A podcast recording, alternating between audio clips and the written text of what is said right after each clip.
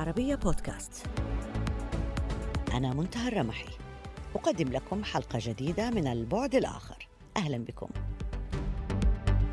يخشى العالم اليوم من استخدام السلاح النووي في حرب أوكرانيا لكن ربما ما زال في انتظار صورة تغير الأحداث. قبل خمسين عاما انتشرت صورة الفتاة الصغيرة كيم فوك في أحد أرياف سايغون وهي تعدو فارة من النيران التي التهمت جسدها الغض. ساهمت تلك الصورة في تغيير مسار الأحداث وكرست صورة نمطية ستعدلها ضيفتنا اليوم وتعطينا الحقيقة المخفية عنها. فرت بوك من الحرب ومن فيتنام ومن آلتها الدعائية ومن داخل طائرة كانت تنقلها من موسكو إلى هافانا عندما حطت للتزود بالوقود في كندا. من لحظتها أصبحت تكرس حياتها لمدارس التعليم في بلدها وفي الدول الفقيرة.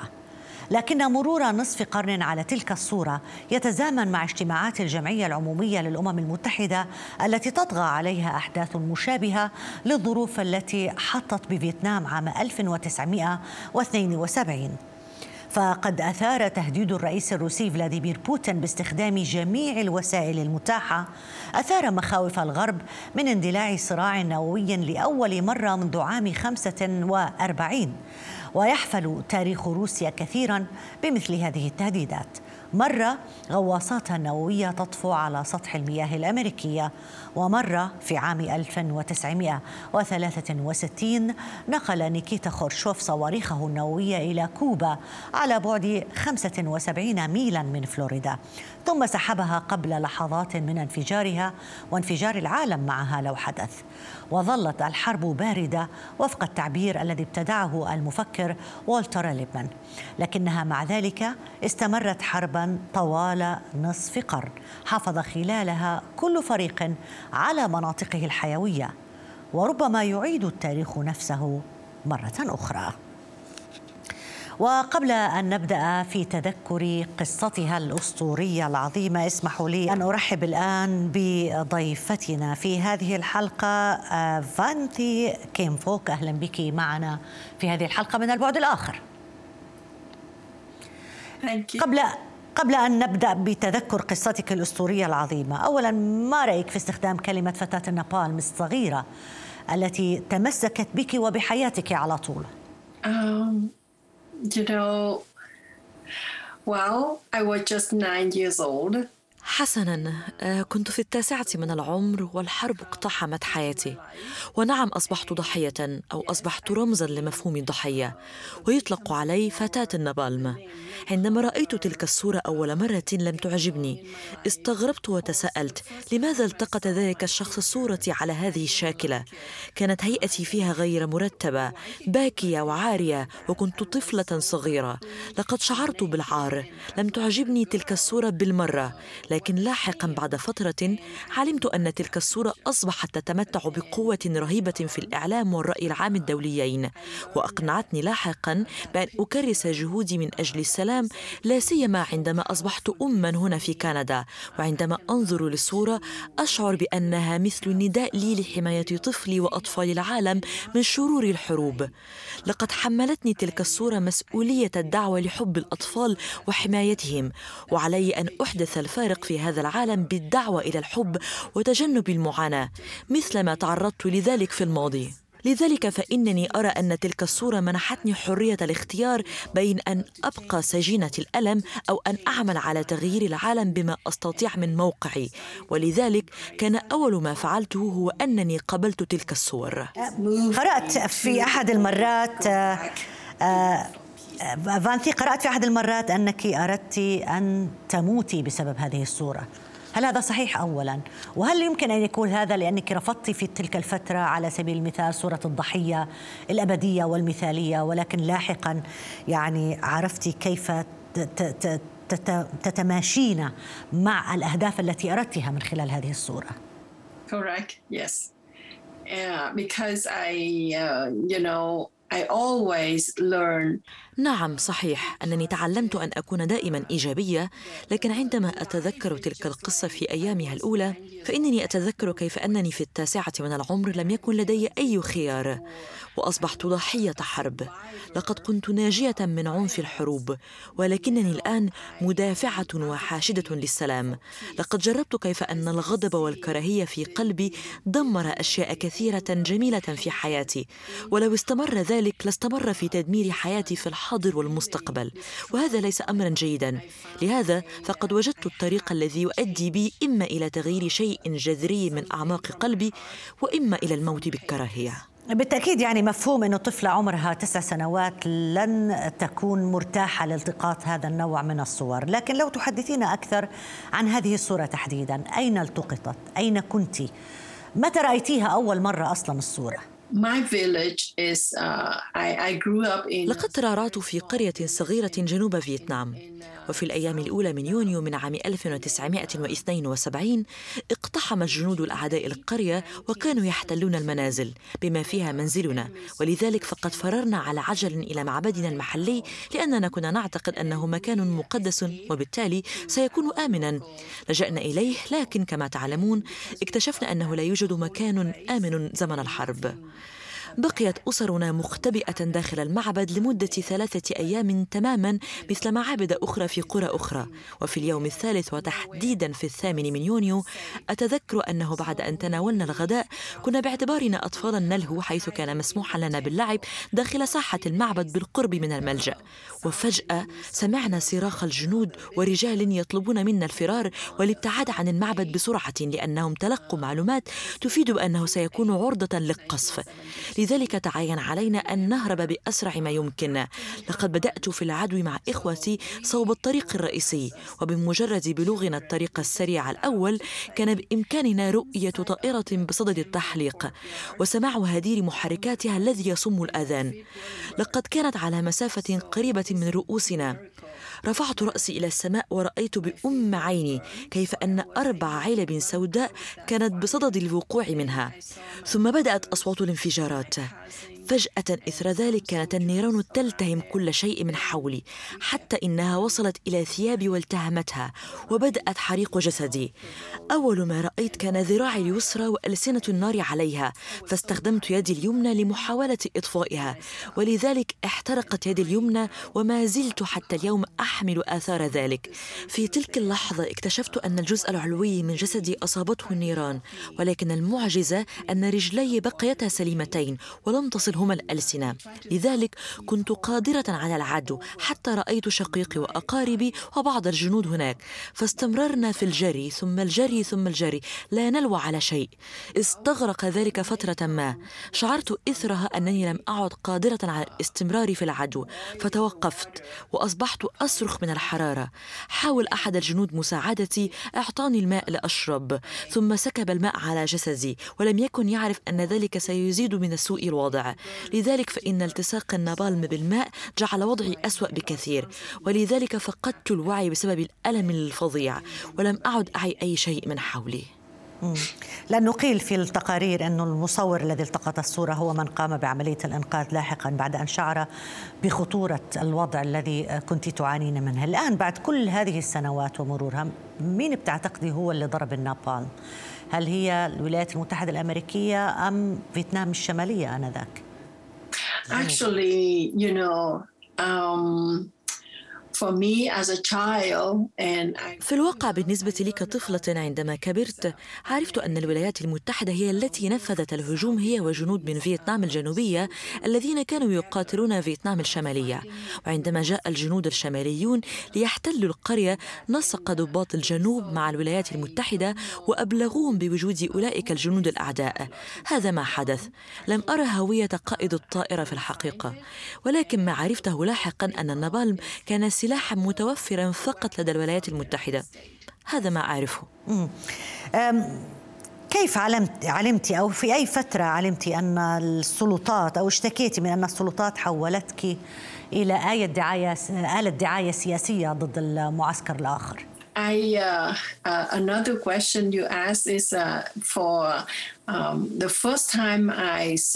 سؤالك الأول دعيني أعد إليه وهو يتعلق بالمرة الأولى التي رأيت فيها الصورة. عندما انتشرت الصورة كنت في المستشفى ثم لما عدت إلى قريتي أراني والدي إياها وقال لي هذه صورتك. ومثل ما شرحت لك فقد سألت والدي بغضب لماذا التقط صورتي هكذا؟ ولماذا نشرها في الوقت الذي كنت عارية مع شقيقي وأقاربي؟ لماذا لم يتفهم هؤلاء ألمي؟ لم تعجبني الصورة بتاتا ولم أرغب في رؤيتها مجددا لفترة طويلة لمدة سنوات. 10 years later um, عشر سنوات إثر ذلك. اكتشفت الحكومة الفيتنامية وقتها أنني أنا صاحبة الصورة التي جرى تناقلها على صعيد واسع في العالم. أرسلت وفدا يبحث عني في المدرسة والمنزل ومن ساعتها بدأت تستخدمني وتضغط على أسرتي لاستخدامي في دعايتها السياسية. بالنسبة لي كانت حقيقة منعرجا سيئا في حياتي. في البداية أعجبني ذلك وخاصة كوني فتاة صغيرة عادية من قرية مجهولة تذهب إلى مدرستها بجروحها وآلامها وعذابها وفجأة تسلط عليها الأضواء وتصبح محل اهتمام الحكومة. لكن لاحقا أصبح الأمر مزعجا وشعرت وكأنني لم أعد أملك حياتي بتدخلهم المتكرر في مدرستي وإضطراري إلى الانقطاع عن الدراسة فقط لتنفيذ برامجهم الدعائية. ولكثافة الوفود التي يستدعونها لمقابلتي اضطررت إلى الانقطاع عن الدراسة. أزعجني ذلك كثيرا لأنني كنت أرغب في التركيز على دراستي بعيدا عن كل هذا. لكنهم لم يلقوا بالا لذلك. أود أن أسألك كيف خرجت من من فيتنام لاحقا؟ كل الضغوطات كانت عليك كما قرأنا وكما تابعنا خلال المدرسة وخلال الجامعة واستخدامك كآلة دعاية سياسية آه، لم يكن مريحا بالنسبة لك، متى قررت الخروج وكيف خرجت؟ and because I uh, بسبب أني فقدت حريتي وحياتي كلها لقد شعرت أنني فقدت كل طموحاتي وأصبحت حياتي كلها آلة مكرسة للدعاية السياسية. كانت كل أحلامي مركزة على هدف وحيد هو أن أصبح طبيبة أساعد أشخاصا آخرين تعرضوا لنفس ما تعرضت له. كانت لدي رغبة عارمة في العودة إلى الدراسة. في أحد الأيام أرسلتني الحكومة إلى موسكو لحضور مناسبة دعائية وصادف أن رأيت رئيس الوزراء فطلبت منه أن يساعدني على استئناف دراستي. بسبب ذلك أرسلتني الحكومة إلى كوبا لدراسة الطب هناك. كانت فترة أسوأ من الفترة السابقة. قضيت ست سنوات لم يساعدني فيها الطقس بالمرة حيث أثر على حالتي الصحية. لكن الأمر الجيد الوحيد الذي كان قد وقع في كوبا بالنسبة لي هو لقائي بالرجل الذي سيتزوجني لاحقا. كان ذلك قبل ثلاثين سنة. بمناسبة زواجنا سمحت لنا الحكومة الفيتنامية بالذهاب إلى موسكو لقضاء شهر العسل. هل تتخيلين شهر عسل في موسكو؟ لقد كانت فرصة للحرية. ففي طريق العودة من موسكو إلى هافانا حطت الطائرة في تيرانوفا بكندا للتزود بالوقود. عند فترة التعبئة نظرت لزوجي وقلت له أمامنا ساعة ولن أجبرك على أن تتبعني. فقد اتخذت قراري. فهم أنني قررت الفرار والانعتاق من الطوق. ووافق. لقد كانت مغامرة من أجل الحرية. خرجت من الطائرة وهو معي ومباشرة عرفنا مكان طالب اللجوء ووقفنا هناك. ومن وقتها بدأت قصة لجوئنا في كندا قبل ثلاثين سنة. أكثر ما كان يزعجك في العيش في كوبا وحتى الذهاب لروسيا لم يكن مغري أبدا بالنسبة لك في شهر العسل فقررت الهروب إلى كندا ما هي الصعوبات التي واجهتك في كوبا؟ يعني الشيء الجميل أنك التقيتي بزوجك هناك لكن عن الأشياء الأخرى ماذا يمكن أن تحدثين؟ Um. بالنسبة لي فإن دراستي في دولة شيوعية صديقة هي كوبا جعل أمر السيطرة ومراقبة هينا على الحكومة. لقد أزعجني ذلك كثيرا كما أن تواصلي مع أسرتي كان صعبا جدا. لقد أضاف ذلك صعوبات أخرى على هجرتي وأستطيع القول إنني في الواقع لم أحصل على أي حرية هناك سواء من حيث التنقل أو العيش. لقد كانت السنوات الست التي قضيتها في كوبا صعبة جدا. كنت أشعر بالوحدة والبعد عن عائلتي وكان علي أن يكون لي اتصال بمسؤولين حكوميين كل نهاية أسبوع كما أن محيطي الحقيقي والطقس لم يساعدني بالمرة وأسهم في تأزيم وضعي الصحي. وبصفة عامة فإن أي شخص بإمكانه أن يشرح لك كم هو الوضع صعب في كوبا وبالتالي لم أكن أنا الوحيدة التي عانت من العيش هناك بل الكثيرون. هلا بس تناقشتي أنت وزوجك في موضوع الهروب. الهروب إلى كندا من الرحلة المتوجهة من موسكو إلى آه، كوبا. آه، هل ترددت؟ كيف اتخذت القرار بأنه في هذه اللحظة تريدون الهروب والفرار لتصبحوا لاجئين في كندا؟ Yes, I actually I uh... نعم نعم. آه، في البداية حقيقة كنت خائفة ومرعوبة ومترددة في مشاركة فكرتي مع زوجي وأنا على متن الطائرة تحول ذلك الخوف إلى خوف من عدم تكرار الفرصة فصليت أن يبقى زوجي معي ويوافق على اللجوء معي فلمحت له وفهمني بمجرد أن قلت له إنني لن أجبره على المغامرة وأن القرار يعود له فوافق على الفور وقال لي معك إلى أن يشاء القدر. القدر ونجحنا وأنا ممتنة جدا للحكومة الكندية على منح فرصة اللجوء وفرصة إعادة بناء حياتنا في تورونتو. هلأ آه الأشياء التي حرمت منها وأنت صغيرة أبرزها التعليم آه في مبادراتك كلها هي من أجل أو كثير منها من أجل المساعدة في موضوع التعليم. حدثينا عنها قليلا لو سمحتي.